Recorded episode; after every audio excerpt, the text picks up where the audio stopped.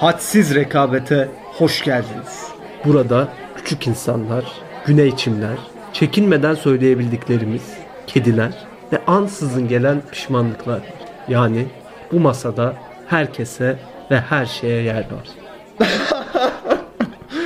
Niye gülüyorsun? ya ne alakası var ya?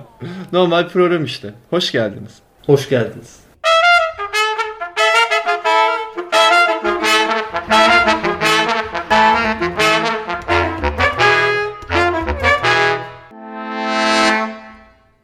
Hamit'ciğim selamlar. Merhabalar.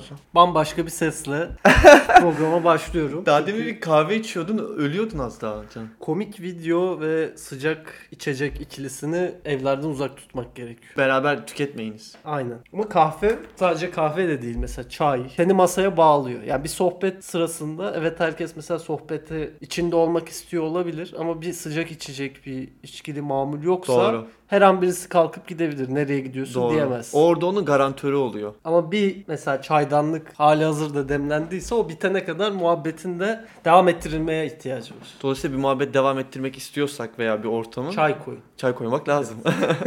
Şu an bizim çayımız yok. Evet, ben hala gırtlağımın bir tarafında kahveyi tutuyor olsam da çayımız yok. Ama şimdi çayda sıvı sıvı gitmez. Onun yanına böyle bir kuru Atıştırmalık. pasta bir şeyler ekleyebilirsin. Ama en iyi muhabbetin kurulumunu en uzun vadeli, en güvenilir şekilde devam ettirebilecek unsur bence çekirdek amiç. Çok doğru. Bu arada bu cidden doğru. Çekirdeğe çünkü başlayınca kendini de durduramıyorsun. Sohbet kötü olsa da çekirdeğe sığınırsın. Biliyorsun sohbetlerin en zorlu kısımları sessizliğin uzun sürdüğü kısımlar. Ben Şey- en azından yapı olarak sürekli insanlara bir şey anlatmam gerekir, güldürmem gerekir gibi bir sorumluluğu içimde hissettiğim zaman Ben öyle o bir şey sessizlik hissetmiyorum dönemleri bana bir işkence gibi geliyor yani. Tekrardan yeni bir masaya ürün atman lazım. Tam da niye karşının sorumluluğu değil senin sorumluluğun? İşte o da biraz insanın kendini koyduğu mertebe. bir muhabbet yapılacaksa bunu ben yaparım.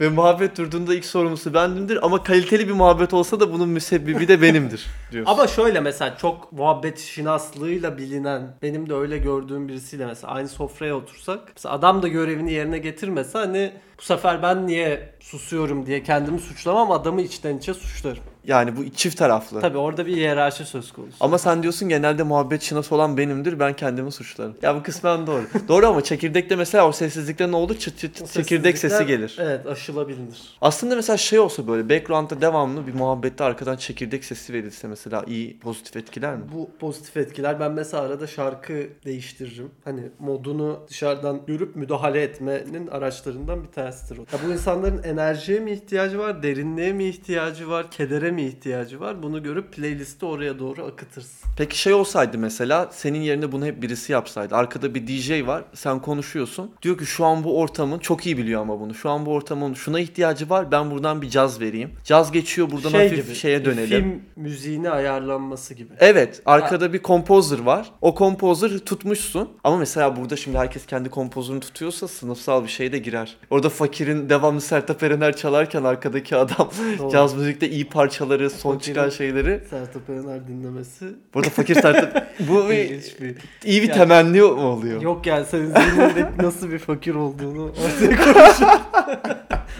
Fakirleri belki çok tanıyamıyorum. Bilmiyorum. Yani böyle bir DJ isterdin o zaman. Ya benim sıkıntım şu. Belli duyguların derinliğe inmesinden rahatsızlık da duyabileceğim için Oo. mesela o benim duygumu anlar doğru parçayı sürer ama o doğru parçanın sürülmesi benim tercihim olmayabilir. Ama burada bence şey olur. Feedback verirsin. Artık o hani berberinle olan ilişkin Doğru. gibi DJ'inle olan bir ilişkin başlar. Sen bu yanları şimdi kısa kesmeye başladın ama ciddi bir geri dönüş var. İyi bir ben talep. bunda müda- mücadele edemiyorum. Onun için hani böyle yapmayalım. Çok iyi oldum biraz nerfleyelim mi beni düşürelim. Vallahi İşime böyle gücüme zaman ayıramıyorum. böyle dert düşman başına ne diyeyim yani ne güzel dertlerim var can. ben kendi adıma konuşmadım. Ama mesela çekirdekte sen şeyi hissetmiyor musun? Çekirdeği çıtlamak var. Bir de mesela bu marketlerde satılıyor. Çekirdeğin direkt içini satıyorlar. Almıştım bir iki kere çok nadir. Tüketirken de keyif almadım. Yani çekirdeğin verdiği Doğru. hazzı vermiyor. Şimdi o çok boyutlu bir şey ama bence en önemli olan haz azalması sebeplerinden biri çekirdeğin mekaniğinin ortadan kalkması. Bu kabuğunu yalamak gibi bir şey mi? Periyodik şekillerde 5 çekirdek atıyorsun, çaydan bir tane fırt çekiyorsun. Mesela 5 çekirdek atıyorsun bir yorum yapıyorsun. Bu bir rutin. O evet hayatını bir düzene sokan bir unsur aynı zamanda. Nasıl o sohbeti yöneteceğin, kendi önündeki bir saati nasıl böleceğine dair sana bir çerçeve hazırlıyor. Ama bu kısmen de hastalıklı. Mesela şey diyor musun? 10 tane çekirdek çıtladım ve hala bir söze giremedim. Bu Ha, o zaten seni bir şekilde tuzuyla falan 5'in 10'un arkasından orada bir çay içme ihtiyacı zaten hasıl oluyor. Evet olur. Tuzluysa olur. Veya diğeri bu sefer ağzı dolu olduğunda sen şeyi fark ediyorsun. Yani ikimizin bu periyotları arasında bir kesişme var. Bu benim için artık söze girme zorunluluğu Bu zamanı. ping pong gibi bir şey. Bir Aynen. o vuruyor bir sen çok, vuruyorsun. Çok doğru bir benzetme. Çok mutlu etti bu seni ping pong da sevdiğim ve nadir başarılı olduğum spor Burada böyle bir iddiam var. Daha biz ben seninle bir ping pong maçı yapmak istiyorum. Bir iddiam var. Lisede Göreceğim. benim savunmam Stalingrad'a benzetilir. yani tekniğim çok sınırlı olsa da eğer belli bir süreklilikte oynayabilirsem o reflekslerim oturduğunda biliyorsun kollarım da standarda göre uzundur. Gerçekten iyi bir savunmacıyımdır. Göreceğiz. Ben şu an bir şey söylemiyorum. Ama bu mekanik meselesi önemli. Orada da önemlidir. Cem, Aynı onu- zamanda bir regulator diyorsun. Evet. Hem bir garantör hem bir regulator. Daha ne olsun? Ama ben şeyi hiç anlamam yani. Diğerini kim hangi gerekçeyle satın alıyor? Ya bir de orada mesela Ama yapamayanlar da var. O da ilginç bir şey. nasıl ya? Ben hiç hayatımda çekirdek çıtlayamayan o birini belli bir- görmedim. Ya mesela çocuklar yapamıyor. Öğrenilen bir Ama şey. yani. çocuklar hiçbir şey yapamıyor onlara göre yani. Çocuk Yani- konuşamıyor mesela. ya ne yapacaksın? Biraz böyle kuşsu bir hareket o çıtlama hareketi. Yani Genelde mesela anne bazen şey yapar böyle çekirdeği kendi çıtlar çocuğa verir. Kuşlar yapar burada. Onu mu yüzden diyorsun? ağzımızla yaptığımız eylemleri genel olarak düşündüğümüzde çok böyle tekil hareketler. Ama ağızla Bir çok bir şey kırmak. yapmıyoruz ki. Ya yemek yiyoruz, konuşuyoruz. Evet mesela çiğnemek, kırmak Yalama. bunların hepsini düşündüğünde tekli bir eylem. Ama mesela çekirdek yeme eylemi kırma, yandan çekme, ısırma bunların hepsi o çekirdek yeme eyleminde birleşiyor. Yani kompleks İnsanın bir hareketler. Ağzıyla yapabileceği en kompleks şey çekirdek yeme eylemidir benim. Diğer şeyleri düşündüğümüzde hep böyle el devreye giriyor veya ya bu çok zor bir şey falan Araç demişiz bir araç keşfetmişiz filan. Ama mesela ben ıslık çalamıyorum. Ben çocukken mesela ortaokulda, ortaokulda değilim daha da küçüktüm. Dördüncü sınıfta bütün erkek çocuklar ıslık çalardı. Ben çalamazdım. Bu beni mesela şey yapardı, üzerdi. Bütün çocuklar çalıyor ben çalamıyordum. O yüzden evde çalışmıştım ıslık çalmayı hala Ama çalamıyorum. bu ne tür bir ıslık mesela? Eline ağzına- ıslığı vardır. laf atma ıslığı vardır. Çocuklarda şöyle bir zaten hani direkt normal böyle Kill Bill'deki ıslık vardır ya. Dı nı nı nı nı yaparsın ya. Tamam. İşte onu yapabiliyorum ama elimi ağzıma götürüp hani böyle yüksek sesle Evet, minibüs aynen. taksi durdurma ıslığını yapamıyorum. Ben polifonik bile çalabiliyorum ama o desibelde oralara çıkamam asla. Çünkü o elle yine bileşik hareket. Bileşik Benim hareket bulmaya işte. çalıştığım kelime Evet. buydu. Bileşik hareketlerde o olmaz. Bir de belli aktiviteler var. Çekirdek de herhalde bunun bir parçası. Ya ulaşmak istediğimiz şeye tek adımda ulaştığımızda o sonunda elimize geçen şeyin değeri birazcık azalıyor. Tek adımda olması sebebiyle yani. Bu penaltı gibi bir şey mi mesela? Normal gol izlemeyi seviyoruz ama penaltıdan gol olunca tat vermiyor. Ben penaltıdan golleri çok severim. Ben hiç sevmem. Niye seviyorsun penaltıdan golleri? Çünkü e, ya orada aslında gerilim anının çok daha yoğun yaşandığı konsantre bir şey var. Ama penaltının Her- başarıya ulaşma oranı %80. Değişiyor dönemden döneme. Şimdi mesela kalecilerin duracağı pozisyon falan değiştirildi. Tekrardan gol atmak kolaylaştı ama kaleci öne çıkabildiğinde veya belli kaleciler mesela çok yüzdeli şekilde kurtarabiliyor. Olabilir şu an bu olayın tekniğine o kadar vakıf değilim ama penaltıyı ben genel olarak Özellikle sevmem. mesela önemli penaltılarda hani becerinin çok daha üstüne, fiziksel becerinin çok daha üstüne mental güçlü olma durumu giriyor. Ben sporun içinde, sporun dışındaki şeyler etki ettiğinde çok keyiflenirim. Sen o zaman sporcunun zekisini de seversin. Zeki olsa benim için yeterli. Ahlaksız ve çeviklikten yoksun olsa bile ben sadece zekasını takdir ederim. Güzel. Ya da şey gibi mesela ön sevişmesi sevişme gibi. Tercih etmez. Aynı tadı vermez gibi. Mümkün mü böyle bir şey? Bence mümkün olduğu durumlar olabilir ama dediğim gibi ideal durum değildir.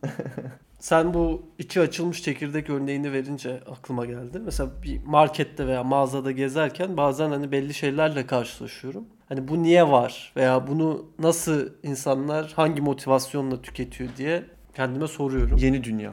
Yeni dünya bunlardan bir Yeni tanesi. dünya yeni dünya niye var ya? Yeni dünyanın kocaman çekirdekleri var. Hem- Bir parça şeyi var onu da yiyemiyorsun. Ağzına atıyorsun ağzına dört tane çekirdek geliyor. Onları böyle bilye gibi savuşturup yiyebileceğin kısmı arıyorsun. Baya zahmetli bir şey hiç değmiyor. Ben yeni Bir de- dünyayı sevmem. Senin peki aklına böyle getiren ürünler ne? Benim rahatsız olduğum birçok şey var. Ama ben sana buradan bir seçme yapıp en baştakilerden birini söyleyeyim. Marketlerin giyim bölümleri oluyor. Evet. Orada hala beyaz atletle karşılaşabiliyorsun. Sanki başka bir yüzyıldan kalma bir şeymiş gibi benim zihnimde canlanıyor ama demek ki hala bunu giyen kullanan Beyaz insanlar atlet var. giyiliyor ama mesela beyaz atlet ya bizim jenerasyonda değil de bence 35-40'ın üstündeki çoğu insan giyiyor atleti. Bana öyle geliyor. 40'ın üstü bilmiyorum. Sanki ben 50-60 bandının üstü Öyle mi? düşünüyordum. Yok. Ama baktım bedenlere 50-60 yaşında mesela ilk small small artık bunlar çok olmuyor. Ama 40 yaşındaki anneler de mesela çocukları da giydiriyorlar. O Evet. ilk small o çocuklar için. ben kendi iç çamaşırımı kendim seçebildiğim yaştan itibaren beyaz atlet giymiyorum. Tebrik ederim. Teşekkür ederim. Beyaz atleti krolar giyer. Böyle bir algı var. Mesela İngilizce'de de beyaz atletin İngilizcesi nedir? Hatta sen bir iddia kaybetmişliğin var. Bir iddia kaybettim. Wife beater. Karı döven.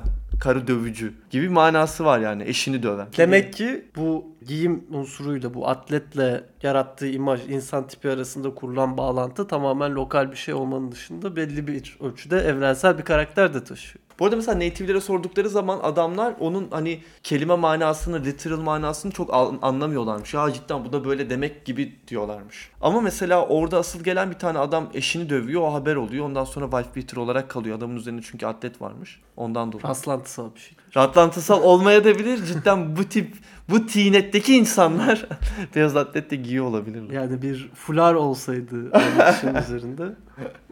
Fuların böyle adlandırılması bir talihsizlik olurdu. hem Amerika halkı için hem Türkiye entelektüeli için. Yani o biraz ama tabii Türkiye entelektüelinin karikatürleştirilmiş versiyonuna yakıştırılan bir aksesuar. Ya ben düşündüm şimdi gerçekten yaşayan insanlar arasında kim bunu kullanıyor diye Emre Kongar epey kullanır. Emre ben Real'de de gördüm. Real'de de gördüm. Yakıştırıyor da. Onun dışında çok aklıma birisi gelmedi. Fular değil mi? Aynen. Evet ama fular çok kullanılan bir şey değil şu an. Genel olarak. Hani herhangi bir cenah tarafından de o- daha ziyade. Çok spesifik olarak bir şeyle kombinlenmesi gereken bir unsur. Benim güzel bir fularım var mesela. Ben onu yeni aldım. Seviyorum. Bir gün giyeyim. Giy. Olur. Takayım ya da Özel giyeyim mi bir denir? özel bir için. Hacı Zekavet'in birinci yılında senle baş başa yiyeceğimiz bir yemekte fularımı takarım. Ama atletle alakalı aslında hani bu estetik olarak değerinden falan ziyade benim ilgimi çeken şey belli bir dönem bu kadar esansiyel bir şey olarak düşünülüp hani olmazsa olmazı olup insanların bir anda mesela işte bir kroluk sembolü, bir Evet, şu işte an kroluk. keyifsizlik Mesela bu bir, bir başkadır dizisi var. Senin bu çok beğenmediğin bir buçuk bölüm izleyip çok bıraktın. beğenmedim değil. Hiç beğenmedim, tahammülümü edemedim. zorlayan. Ha bunu belki başka bir bölüm konuşuruz. Bütün sanki alt sınıflar tamamen din tarafından belirleniyormuş gibi yansıtıldıkları. Evet Bir güzel. de ben bunu yurt dışında izlediğim için şöyle bir hassas bir noktama da denk geldi. Bir de yabancı bir arkadaşımla izledim. Hani bunun bu şekilde yansıtılması yabancılar tarafından nasıl algılanacak? Nasıl bir Abi Türkiye? ben bu şeye sinir oluyorum. Ay bunu biz yapıyoruz yabancılar nasıl algılar? Abi bana ne yabancılar ne algılarsa algılar. Tamam sen burada genel olarak analizlerin kötülüğünden bahsedebilirsin. Bence bu geçerli bir eleştiri. Ama oturup ay işte bunu şimdi bir tane Danimarkalı İsviçreli adam izleyecek. Tamam da şimdi diyecek ki bir- sizin alt sınıflarınızın hepsi dindarmış. Bu sekülerler hep üst sınıf mı? Sizin alt sınıfınızda hiç seküler adam yok mu falan. Argümanları bence dünyanın en saçma şeyleri. Hocam. Bak bunu yapan adam şeyi de yapar yani. Ben Spotify'dan ne dinliyorum bu görünüyor. Ona göre millet bunu görmesin diye ben bunu dinlemeyeyim. Arkadaşlarım şimdi benim işte Orhan Gencebay dinlediğimi görürse ay bu Can da neler dinliyor. O yüzden Orhan Gencebay'ı YouTube'dan açıyorum. Spotify'dan açmıyorum. Şimdi bu Bunu öncelik- diyen bunu da der. yani bunu deyip bunu diyen de olur. Kesinlikle Birini sen deyip değilsin birini bu. demeyen de. Kesinlikle Can değil bu. Şimdi burada şöyle bir problem var. Hani belli bir tekil bağlamından kopuk bir filmi ele alırken birinci kaygın tabii ki bu olmaması gerekiyor ama mesela Netflix o kadar şu anda baskın bir şey ki bir ülkenin kendisini gösterme biçimi olarak diğer üretilen filmlerin, dizilerin çok üzerinde bir etki yaratıyor ve temelde onun üzerinden insanlar o ülkeyi Hayır tanıyor. bence sen bu Türkiye özelinde gerçek değil çünkü zaten şu an dizi ihracatında ilk dörtte dünyada. Dolayısıyla bizim Ama zaten dizi- bütün dizilerimiz zaten Osmanlı falan tarih- ihraç ediyorsun. Hayır Aynen. bu bütün o, konaklı saçma sapan konaklı dizilerde geçiyor. Bu bir başkadır da da ne diyordu? Kürt coğrafyasıyla ele. Kürt coğrafyası. bu bir başkadır da şey kadın diyordu ya totale hitap eden dizilerde çalışıyor. Mesela o totale hitap ettiği diziler dediği işte zengin koca, zengin adam var, işte orada kadın var. Bilmem ne klasik işte bu gender rollerinin şimdi- yansıtıldığı olayların hepsini de Gümüş- ihraç ediyoruz. İşte Kıvancın oynadığı yakışıklı adam ihraç eden dizilerde. Özcan Deniz. Şimdi bunlarda zaten daha çok toplumsal bir alanı tanıtmaktan öte o aile çekirdek o ilişkiye zoomlayıp veriyorlar. Onun Tamam için- da sen bir başkadıra böyle bir rol niye biçiyorsun ki sanki bu bütün Türkiye'nin toplumunun bir röntgeniymiş gibi Ama çekilmiş iddia bir dizi. biraz. Bu arada bu yönetmenin direkt bir iddiası değil ki bu izleyenlerin bu dizide de bu amaçlanmış Ama diye bir atfettikleri bir şey. onu ifade ediyor. Bir ben bir ülke fotoğrafı çekiyorum. Bir başkadır. Veya mesela Ne alaka? o işte memlekete gönderme. Bir başkadır benim memleketim. Ben böyle algılamıştım. Tamam okey de yani. Zaten yabancı adam bunu mu anlayacak? Böyle bir türkü var arkadaşlar. Zaten bir dakika yabancı adam Türkiye'deki türkülere bu kadar hakim veya şarkılara Oğlum bu bunu- kadar hakim olup dizinin Aa, üzerinden evet. böyle bir analize de Tonga'ya düşüyorsa artık o da onun Ama şunu yani. anlayabiliyorsun ya oradaki karakterler bir tek belli bir kişiliği değil belli bir toplumsal sınıfı, grubu temsilen kurulmuşlar. Ya evet dersin işte böyle hoca mı olur Yani bilmem bir ne. tane Kürt koyayım, bir tane bilmem ne koyayım. Her grubu nasıl olduğunu yansıtmaya çalışayım gibi bir kaygı var. Tamam bence bir başkadır başka bölümde konuşabiliriz. Biz tekrar atlete dönelim. bir, bir başkadırdaki abi vardı mesela o hep atletli gezerdi. Sağda solda adama atlet giydirmişler. Ne diyor yani yönetmen? Bu alt sınıfta Türkiye'de atlet giyilir kardeşim. Ama mesela şöyle bir şey var. Bu bir ara İtalyan filmlerinin ünlü olduğu zamanlar işte Once Upon a Time işte Amerika'daki bir zaman bilmem ne falan.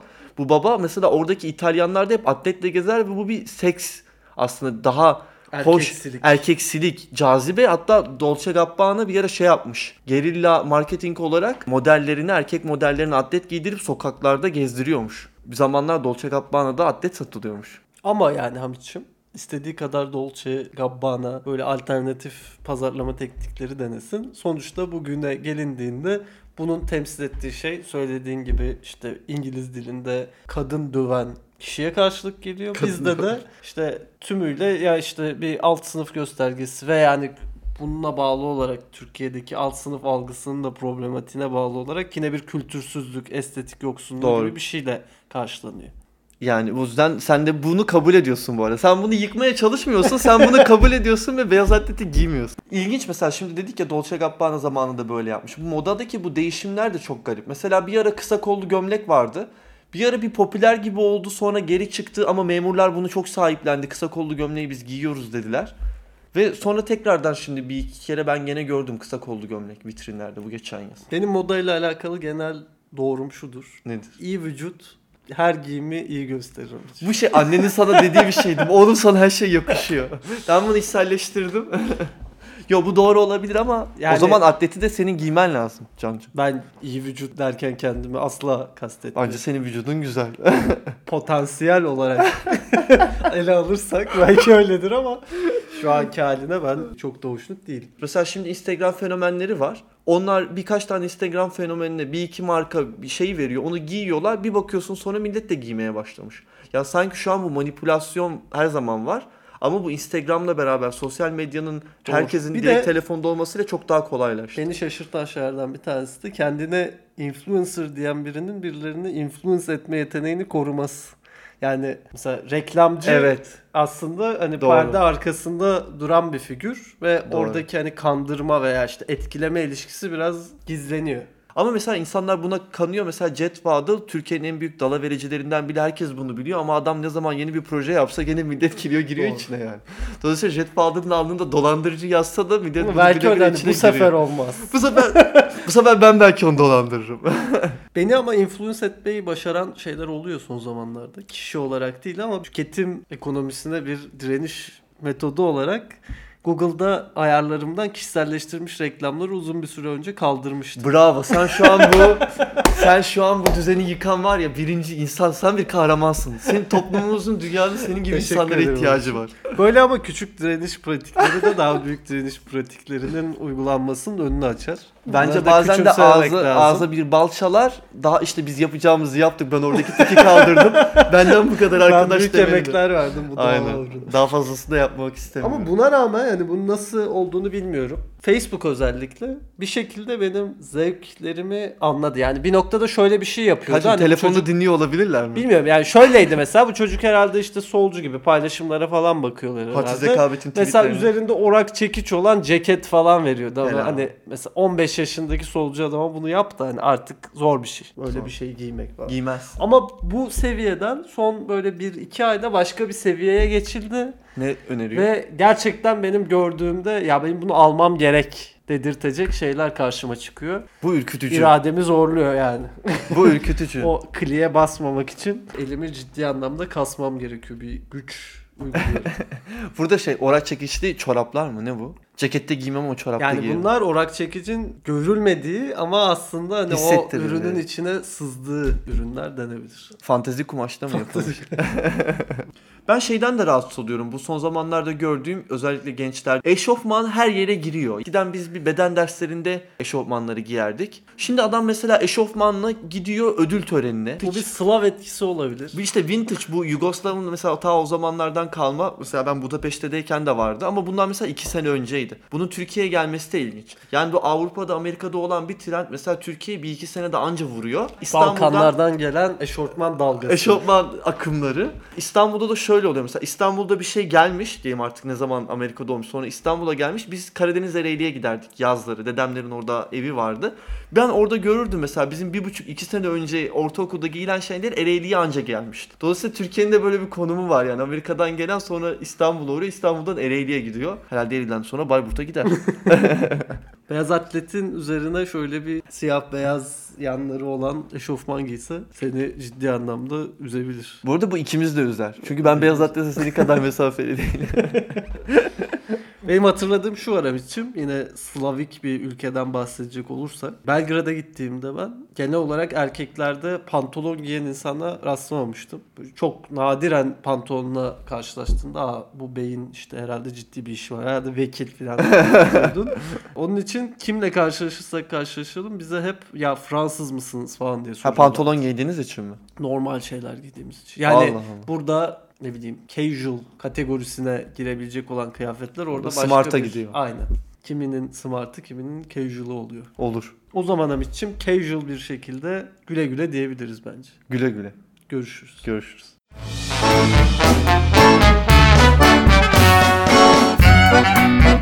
Thank